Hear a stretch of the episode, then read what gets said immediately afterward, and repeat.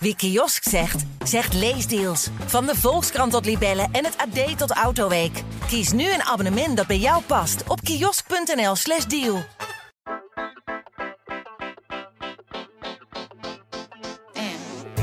Een carrière waar je gelukkig van wordt, gaat niet alleen over zoveel mogelijk uren maken of steeds hoger opkomen. We zijn allemaal op zoek naar de balans tussen werk en privé. Hoe bereik je wat je wil zonder een burn-out te krijgen? En hoe weet je wat je wil? En is werk eigenlijk wel zo belangrijk? Daar gaan we het over hebben in deze podcast. Met elke week interessante gasten. Ik ben Madelon Meester En ik ben Anna van den Bremer. en dit is de Minder Werken podcast van de Volkskrant en Intermediair. Want minder werken, wie wil dat nou niet?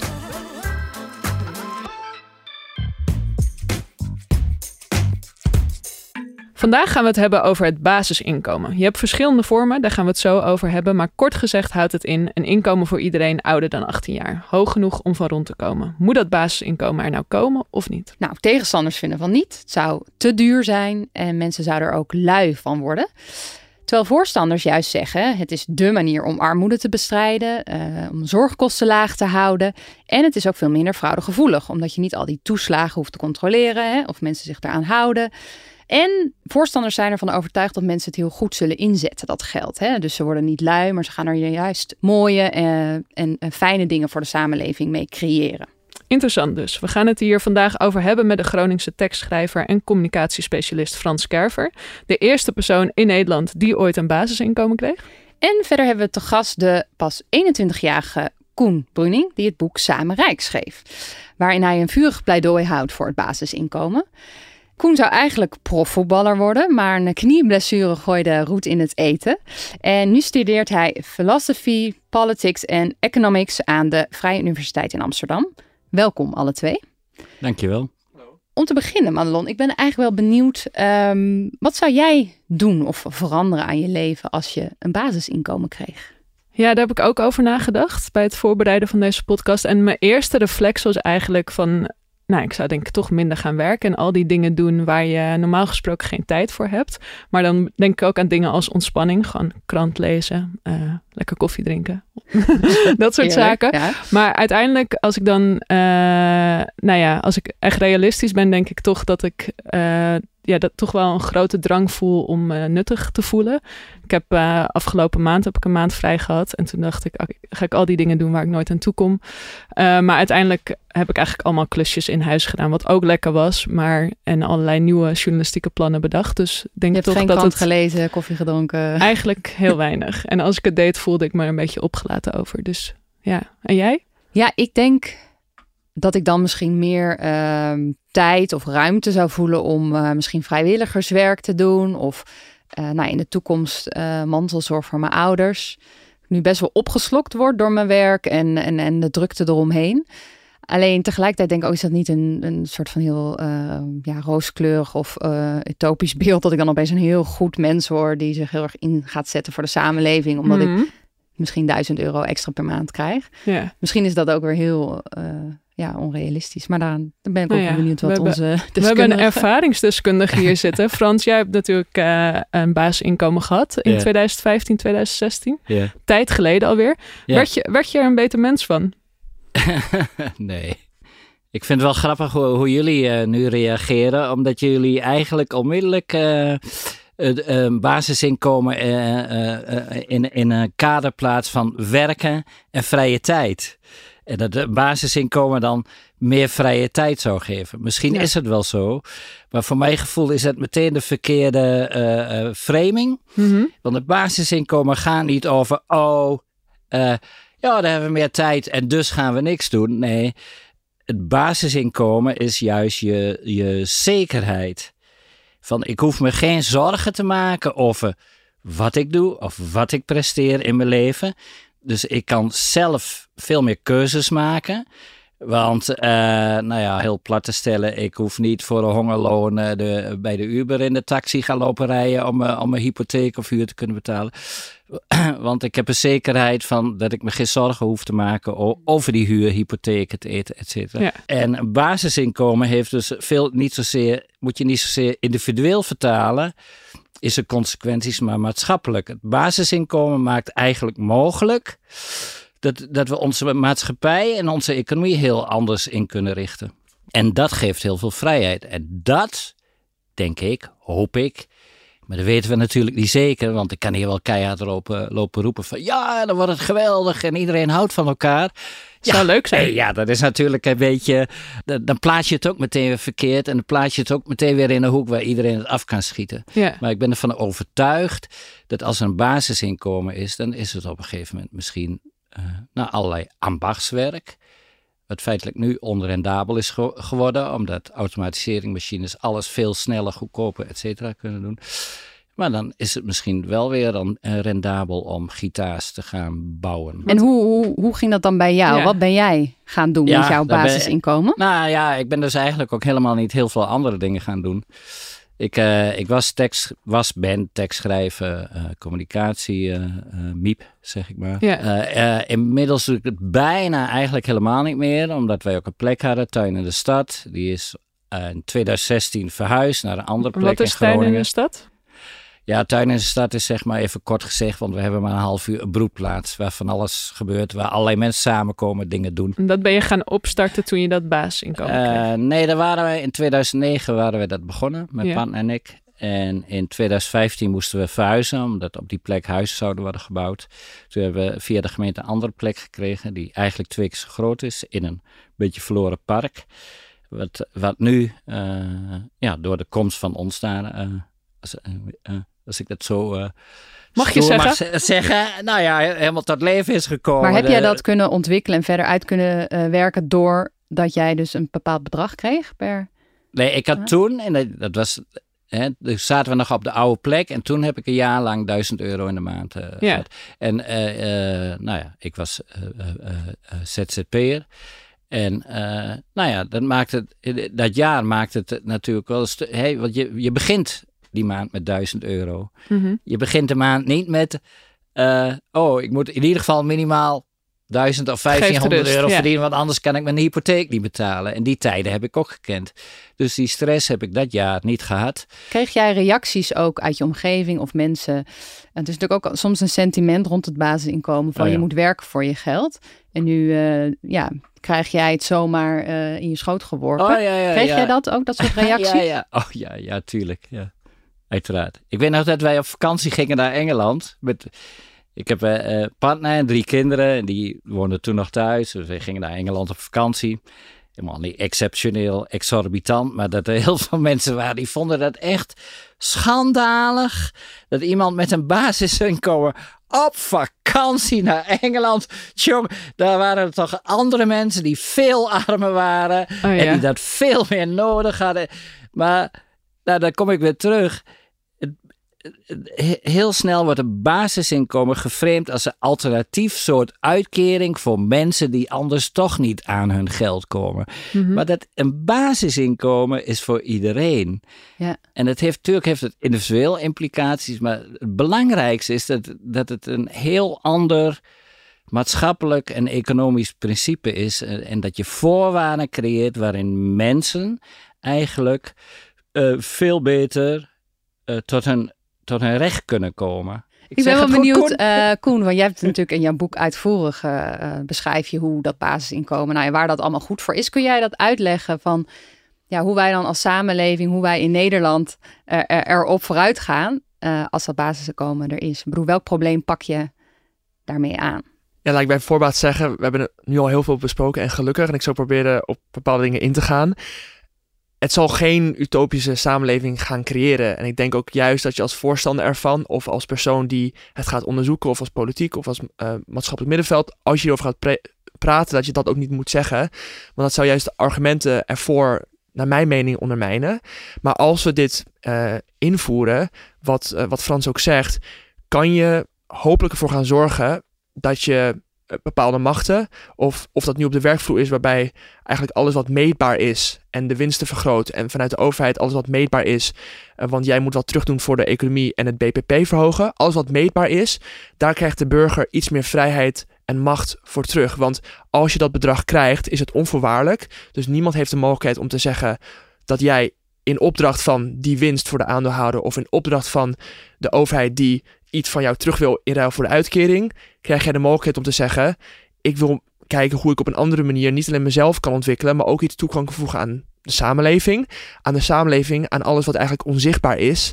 Momenteel in ons BPP, wat onzichtbaar is aan bijvoorbeeld wat een organisatie gezond maakt. Want we kunnen bijvoorbeeld organisaties zoals de Volkskrant of waar dan ook werkvloeren heel erg inrichten op concurrentie. Op we moeten elke kwartaal nieuwe winst creëren. Maar dat doet wel iets met de sociale relaties binnen dat bedrijf. Dat doet wat met hoe mensen elkaar benaderen. Dat doet wat met hoe mensen bijvoorbeeld informatie met elkaar delen. Want ze denken: hey, als ik nu informatie met deze persoon deel, dan helpt dat het bedrijf misschien wel. Maar het helpt mij niet om volgens die promotie te krijgen. Net zoals je in de samenleving ook een soort van ja, schaarste denken krijgt. Een denken waarbij heel veel mensen, omdat ze een gebrek aan geld hebben, een gebrek aan sociale relaties of een gebrek aan tijd, omdat ze heel druk hebben met hun werk en heel erg carrièregericht uh, bezig zijn, wat heel goed is, maar nooit te ver door mag slaan.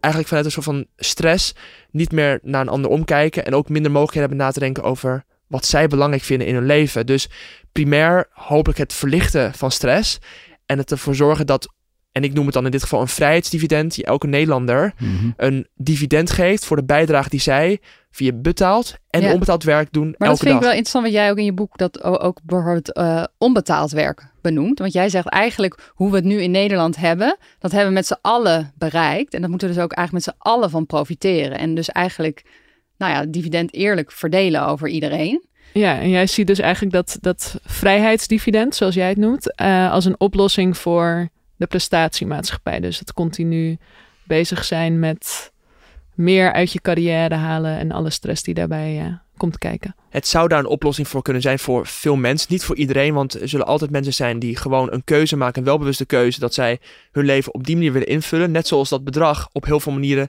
besteed kan worden. Of dat nu een kapitaal is waarmee je vervolgens kan gaan ondernemen en een pandje kan gaan openen met andere mensen in jouw wijk of dorp of stad.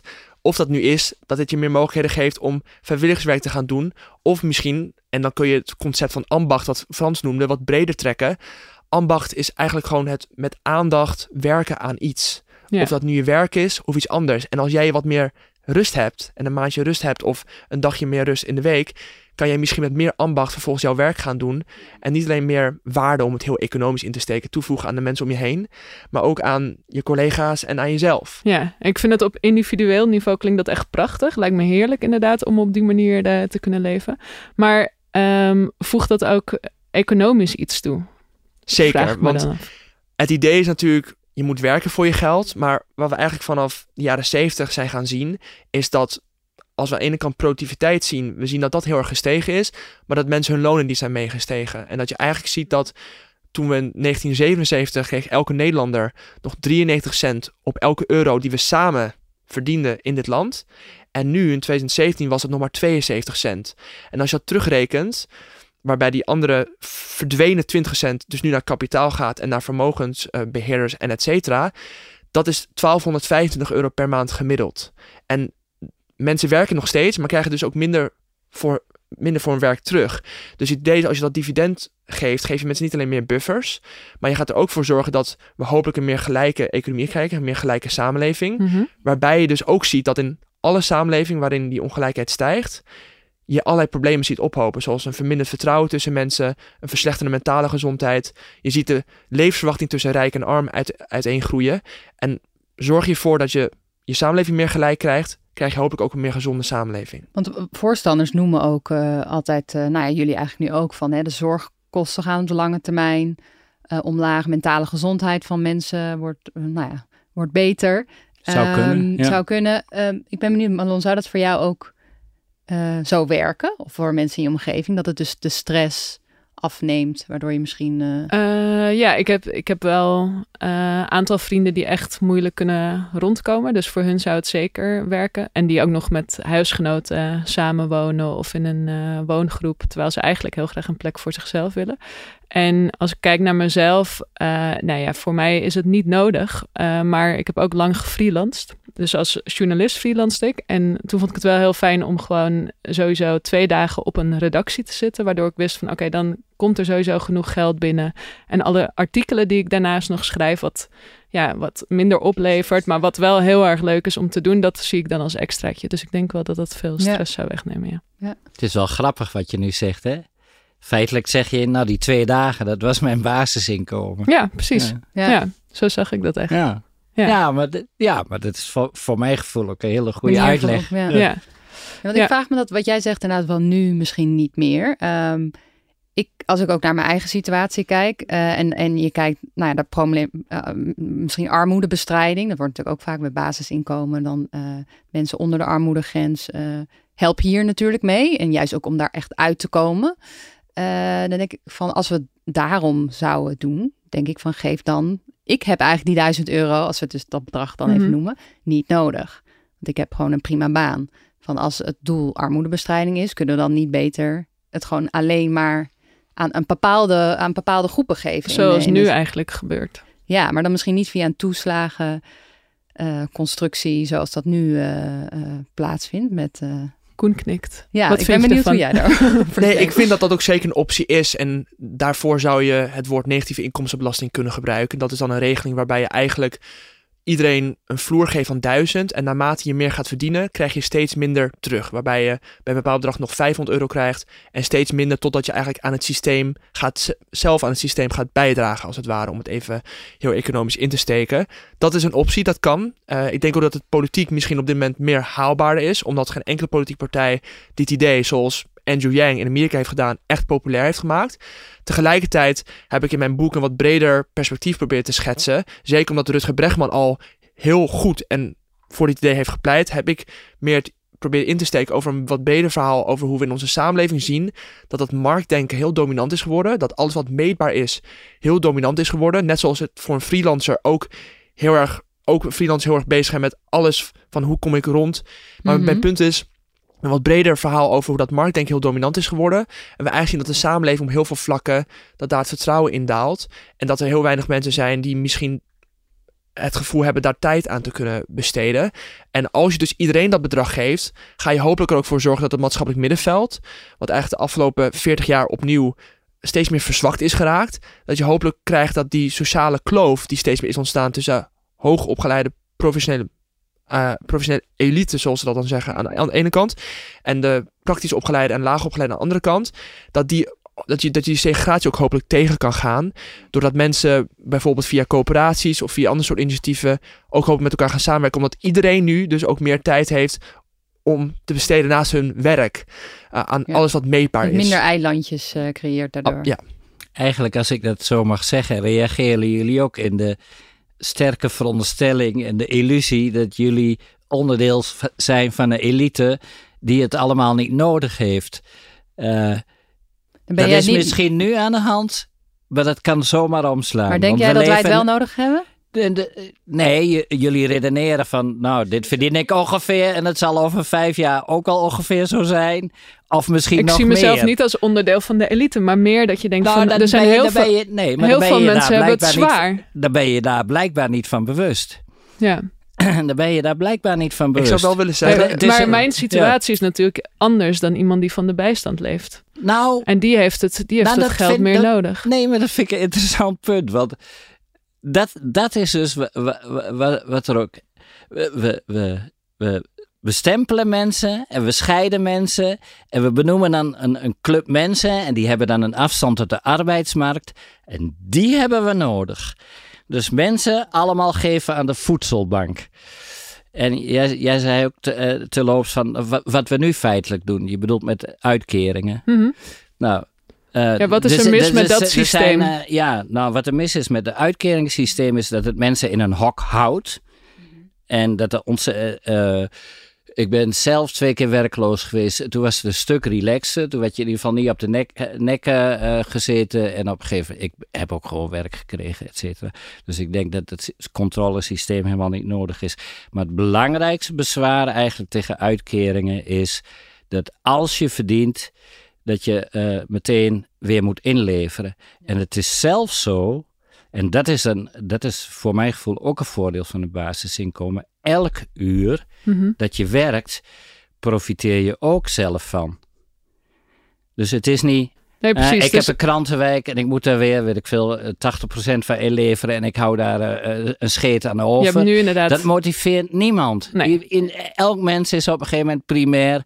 Hè, die wil, wil, be- wil er ook beter van worden. Daar ben ik het helemaal mee eens. Je hebt inderdaad de armoedeval en het loont Ja. vaak niet om meer te gaan werken, want dan word je gekort op alle toeslagen Ja. die je krijgt. En dat is Maar het idee heel dat mensen geld krijgen die het nodig hebben en andere mensen niet, dat, dat Nee, staat maar, daar los van. maar mensen die in een uitkering zitten. eh, eh, eh, ik, nou, wij hebben tuin in de stad. Er werken Mhm. allerlei mensen. Maar er werken ook heel veel mensen die langdurig in een uitkering zitten.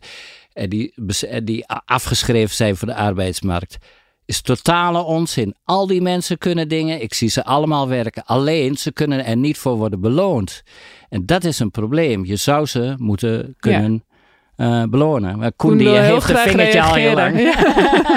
Nee, daar niet van. Het is een heel interessant debat en ik denk dat het woord meritocratie hier wel goed in zou kunnen vallen.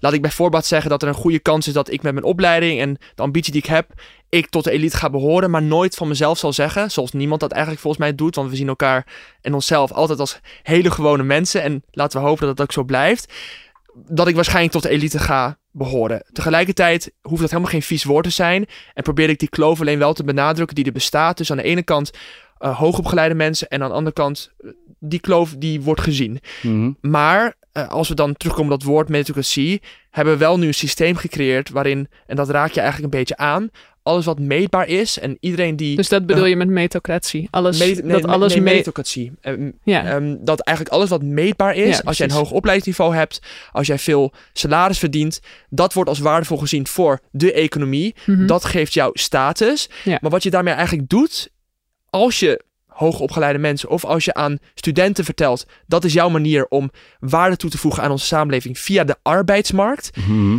Jij moet in jezelf investeren als student. Dan zeg je eigenlijk automatisch over heel veel jaren heen tegen diezelfde mensen die vervolgens niet in die arbeidsmarkt zitten, die in een uitkeringssituatie zitten, die niets toevoegen aan, het, eh, aan, het, aan de samenleving. Dan zeg je eigenlijk mee dat zij niet waardevol zijn. Ja. Dat is een impliciet Mm. betoog wat volgens in politieke taal Mhm. komt. En dat heeft heel veel ja, resentiment gecreëerd in verschillende delen van het land. Het is niet zo heel relevant voor het idee van werk, maar wel over.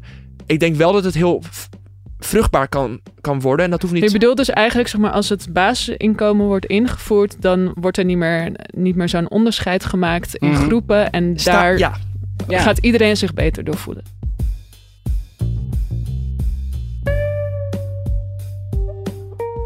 Elke week bellen we met een bekend persoon om zijn of haar werkles te horen.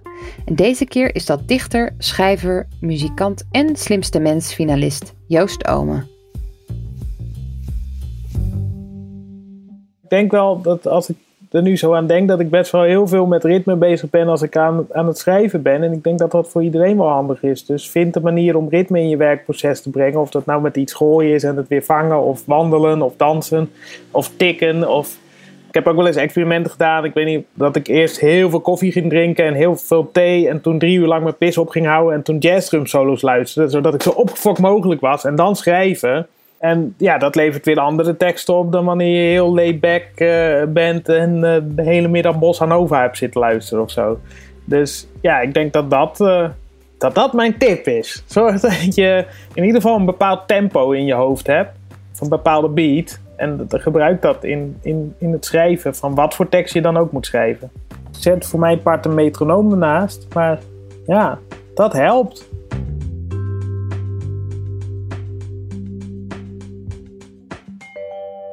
Ik ben benieuwd, ik bedoel, heel veel als we het over het basisinkomen hebben, is natuurlijk ook een beetje gespeculeerd. Want eh, er zijn wel wat eh, eh, Experimenten. experimenten, Ja. proeven, nou ja, situaties gecreëerd in de, in de wereld. Ja. Maar ik vraag me af van wat, wat eh, oké, mensen krijgen een basisinkomen. Ik denk toch dat ook veel mensen in Nederland wel denken, oké, dan gaan heel veel mensen misschien eh, inderdaad Lekker het huis ver- aanrommelen. aanrommelen, het huis verbouwen, misschien met elkaar leuke dingen doen. Allemaal leuke, zinvolle projectjes. Maar het land, de economie moet wel, ja, moet wel draaien. blijven draaien. Hoe gaan Ja, we dat dan doen? Waarom zou die dan opeens niet meer blijven draaien? Ik denk Hoe dat het heel erg in een discours valt van wat, ik net ook, eh, wat we net ook hadden besproken over ja, eh, politieke, politieke taal. Maar ook gewoon taal die we als, als mensen spreken, waarbij we eigenlijk heel veel, nogmaals, dingen in, in meetbare dingen proberen te, te gieten. En onszelf als waardevol zien naar gelang ons sal- salarisniveau. En ik hoop heel erg dat als je dit idee, als iemand dit idee als politicus of politica of eh, gaat bepleiten, je daarmee ook meteen hopelijk het die ideeën over wat een economie is kan gaan veranderen. Want wat we nu weer zien is dat binnen ons politieke bestel ehm, er gewoon heel weinig gepraat wordt over thema's die wellicht de toekomst wat meer gaan raken. Zoals digitalisering, zoals de rol die onbetaald werk in onze uh, economie moet gaan, moet gaan spelen. En ja, dat is gewoon heel, heel, heel zonde. Ik denk dat het, het veranderen van het denken erover niet alleen bij mensen zelf begint en vanuit de samenleving, vanuit podcasts en van allerlei andere initiatieven. Maar het begint ook bij politici die een verantwoordelijkheid durven te nemen en vanuit een bepaalde innerlijkheid uh, zeggen voor welke waarden zij staan. En hopelijk zijn die waarden, komen die overeen met de gedachten die... Maar bedoel je ook inderdaad dat um, door automatisering veel banen zullen verdwijnen en dat dus eigenlijk het idee van onbetaald werk, dat dat meer waarde moet krijgen in hoe wij over werk praten. Absoluut. Omdat dat een groter aandeel zal worden. Dat hoop, ja, dat, Hoop, dat hoop ik heel erg. En dan hoop je ook dat je niet vervolgens uh, gaat, een cijfertje gaat proberen te plakken op dat onbetaalde werk. Want dat is gewoon onmogelijk. Want dat is allemaal onzichtbaar. Daar valt geen waarde aan te geven. Hoe onbetaald werk en wat alle mensen voor elkaar doen een onderbouw is voor hoe gezond de samenleving is. Je hoopt dat je eigenlijk via zo'n bedrag en het door het aan iedereen te geven, niet alleen de rol van status Mhm. en de belang, hoe belangrijk dat is in de samenleving vermindert. Want iedereen krijgt het. Iedereen krijgt een waardering voor de bijdrage die ze leveren. Maar ook dat je vervolgens hopelijk ervoor gaat zorgen dat juist hen die hun baan verliezen, maar wel willen blijven werken, bijvoorbeeld zich kunnen gaan omscholen en met dat bedrag dat kunnen doen. Of de tijd hebben om even een overgangsperiode te hebben, waarin ze kunnen gaan nadenken over waar gaat dit land naartoe? Ja. Wat is mijn rol daarin? En dit bedrag geeft jou wat meer rust. In plaats van dat ze vervolgens bij de overheid moeten aankloppen en vervolgens vaak een bureaucratie treffen, zoals we in het toeslagenschandaal hebben gezien, Mhm. die hen heel grof benadert. En dat kun je natuurlijk verminderen. Dat is een argument van mensen die zeggen geen basisinkomen, maar we moeten gewoon die toeslagen gaan verbeteren.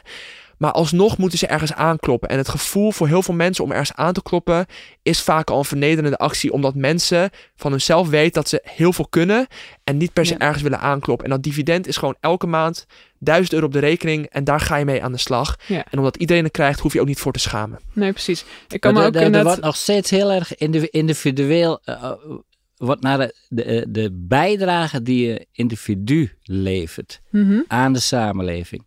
Terwijl ik denk, je moet dat denken juist proberen ook om te drijven. Het, gaat het gaat erom dat we onszelf veel meer kunnen zien als een collectief. Heb ik, ik heb even nalopen denken eh, om een voorbeeldje te geven. Want het gaat er, ja, er zijn mensen die gaan dan luieren of die kunnen niks.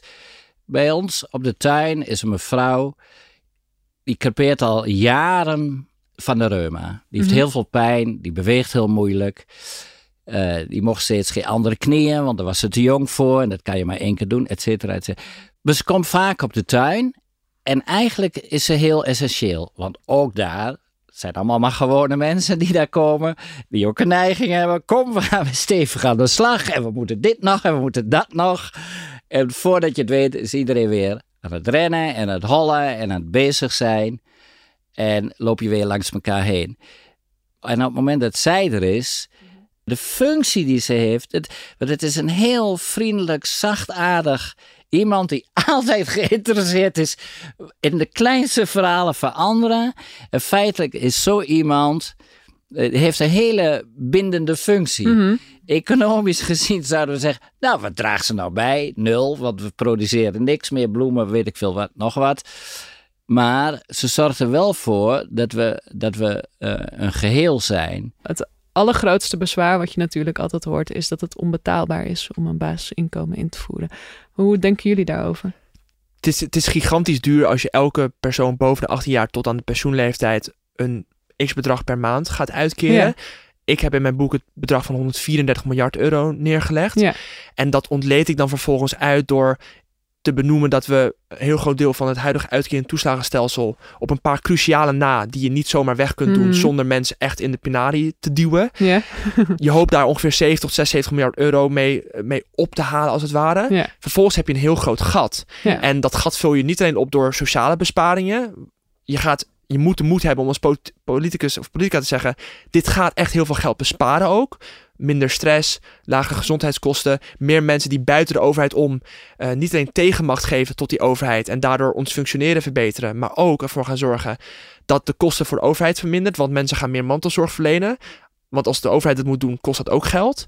Uh, vervolgens heb je dan nog wel, ja, we zeggen 20, 30 miljard. En daar zitten de grootste keuzes. Want we hebben vanaf de ja, jaren 70 gezien dat de belasting op vermogen, de belastingen op kapitaal, stelselmatig verlaagd zijn, terwijl die op mensen, op arbeid, verhoogd zijn. En die balans moet veel gezonder. En dan moet je dus ook gaan kiezen om hogere vermogensbelastingen te introduceren. Of bijvoorbeeld een belasting op data- en techbedrijven. Want die hebben nu heel veel waarde en maken heel veel winst met de persoonlijke informatie die ze krijgen uit het gebruik van hun producten. Ja. En daar moet eigenlijk ook een deel van naar ons toe. En vervolgens kun je hopelijk die financiering rondkrijgen. Maar het is gezegd tot slot dat dat sowieso heel veel politieke uh, overtuigingskracht zal vergen. Maar het is gigantisch duur, maar ik zou niet bijvoorbeeld willen zeggen: Oh, dat kan niet, want het is heel duur. Want er zijn in het verleden, of dat nu Amerika in de jaren 30 was, na de grote crisis, of na de Tweede Wereldoorlog, die dingen waren ook heel duur. Maar we, onze ouder, als ik mijn ouders spreek over die tijd, of mijn eh, opa en oma, zeggen ze dat was een tijd waarin Nederland een meer gelijk land was, waarin heel veel dingen geregeld waren. En mhm. dat kan dan misschien heel duur zijn, maar we krijgen het vierkant terug. Nou ja, we, we hebben natuurlijk ook al, we hebben nu al een beetje over de bezwaren gehad hè, van het basisinkomen, van het is duur, nou ja, dat soort dingen. Um, Rutger Bregman, naam viel al even, die, uh, die zegt eigenlijk het grootste bezwaar ehm, is niet eens zo heel erg uh, ja, technisch, van hoe ga je het regelen, wetenschappelijk, maar heel erg uh, moreel van aard eigenlijk. Van, mm. door eigenlijk tot het, tot het hoe we daarover denken, misschien nog wel de grootste uitdaging is om het uh, geaccepteerd of ingevoerd te krijgen. Hoe denk, zien jullie dat zo? Zeker omdat politiek en ook gewoon argumenten vinden voor, voor hoe jij denkt. Vaak denken we vanuit onze waarden. Wat ik daarmee bedoel is, we zeggen dat we heel rationeel zijn als mensen en dat we heel erg op basis van de cijfers beslissingen nemen. Maar vaak is het zo dat we bepaalde waarden hebben, of dat nu vanuit onze opvoeding is of vanuit onze cultuur. En van daaruit creëren we argumenten voor bepaalde standpunten of waarom we ergens voor of tegen zijn. En mhm. die waarden, die zijn ook het meest nauw bij ons, die zijn het meest persoonlijk, dus die wegen vaak ook het zwaarst dan welk ander argument dan ook waarmee ik laat zien dat het wel allemaal te bekostigen is en ga zo maar door. Het voelt gewoon niet goed. Net zoals dat je uh, een GroenLinkser, als je die tegenover iemand van Forum zet, als die gaan praten, dan zullen ze intuïtief op basis van waarden misschien heel anders over dingen nadenken. En dat kan heel verhit worden. Wat mijn punt is, dat als je dus ook voor dit idee gaat pleiten, je het ook heel erg op een andere manier moreel moet gaan insteken. Bijvoorbeeld dus ook via het idee van zo'n dividend. Dat het dus mhm. iets is, dat die welvaart die we samen creëren, dat we dat ook samen doen. En dat iedereen daar als aandeelhouder van dit land een bedrag van moet krijgen. Maar nog meer dat je ook moet gaan praten over. We hebben die moraliteit, die waarde van je moet iets terugdoen voor je samenleving. Die is nu heel erg gebaseerd op werk. Waarom is dat zo? Is dat ons aangepraat of is dat echt zo? Is werk het enige manier waarop iemand waarde toevoegt? En als je dat continu blijft herhalen, ga je hopelijk ervoor zorgen dat hetzelfde morele argument niet meer gebruikt kan worden, omdat mensen zeggen: oh, maar als mensen dat dividend krijgen, gaan ze juist meer onbetaald werk doen. Dat zien we in alle experimenten en ik zou het zelf ook doen. Dan heb ik opeens helemaal geen bezwaar meer, want dan werkt iemand nog steeds en voegt die persoon Iets toe. heel veel toe aan, ons, aan, aan, onze samenleving en aan, aan hunzelf. Zo interessant. Dus er moet eigenlijk een andere taal uh, worden opgetuigd om hierover te spreken. Taal is heel krachtig. Ja. Ik heb nog een laatste vraag. Want er zijn ehm, best wat experts die zeggen dat, de, uh, dat het basisinkomen nu dichterbij dan ooit is door de coronacrisis. Uh, in Spanje wordt sinds het begin van de crisis een bedrag uitgekeerd van aan de armste 2,5 miljoen mensen. En in de VS ontvangen burgers ook uh, een extra bedrag om van te leven. Dus ik ben wel benieuwd wat jullie denken. Gaat dat basisinkomen of het vrijheidsdividend er ooit komen in Nederland? Ik weet niet of tenminste, laat ik het zo stellen. Ik word een beetje wantrouwig als er gepraat wordt uh, in de media over dat het dichterbij er zou zijn dan ooit. Want de manier waarop ik het heb ingestoken en volgens mij ook hoe Frans naar kijkt, is het echt een idee wat bepaalde machten toch pijn gaat doen, omdat het de burgers meer mogelijkheden geeft om zich te organiseren en in vrijheid te leven. Dus het moment waarop er vanuit bepaalde uh, media of vanuit bepaalde groepen wordt gezegd, nou, we zijn er nu dichterbij dan ooit, dan heb ik het gevoel dat op het op een bepaalde manier ingevoerd gaat worden, die macht helemaal niet gezonder gaat verdelen, maar juist de bestaande machten in stand houdt, omdat het mensen dan een bedrag geeft, alle andere regelingen weghaalt, ook wetten misschien erbij die ervoor zorgen dat organisatie of wat dan ook eh, niet mogelijk is, waardoor het eigenlijk helemaal geen goed idee meer is en ook niet de manier waarop ik het in, het, in, in, het boek, uh, in mijn boek Samen Rijk voor heb, heb gepleit. Dus misschien zijn we dichterbij dan ooit. Het belangrijkste is, en dat is heel mooi, is dat we wel zien. En mensen krijgen dat bedrag in Amerika of in andere landen. En zullen daardoor ook merken: hey, dit weer heeft kennelijk toch gewerkt. Dat is wel heel krachtig aan het, aan het feit dat nu Mhm. mensen bedragen uitgekeerd krijgen. Laten we hopen dat het dichterbij is dan ooit. Het belangrijkste is vooral dat mensen nu zien dat, of dat nu een experiment is of omdat mensen bedragen krijgen, het kennelijk werkt.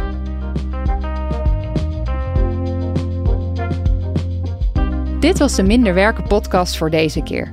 Volgende maand gaan we het hebben over de eeuwige worsteling tussen de zorg voor de kinderen en carrière maken. Vond je dit nou een leuke podcast? Laat dan een positieve recensie achter in je podcast-app. Zo worden we beter vindbaar. En attendeer al je vrienden. Bedankt voor het luisteren.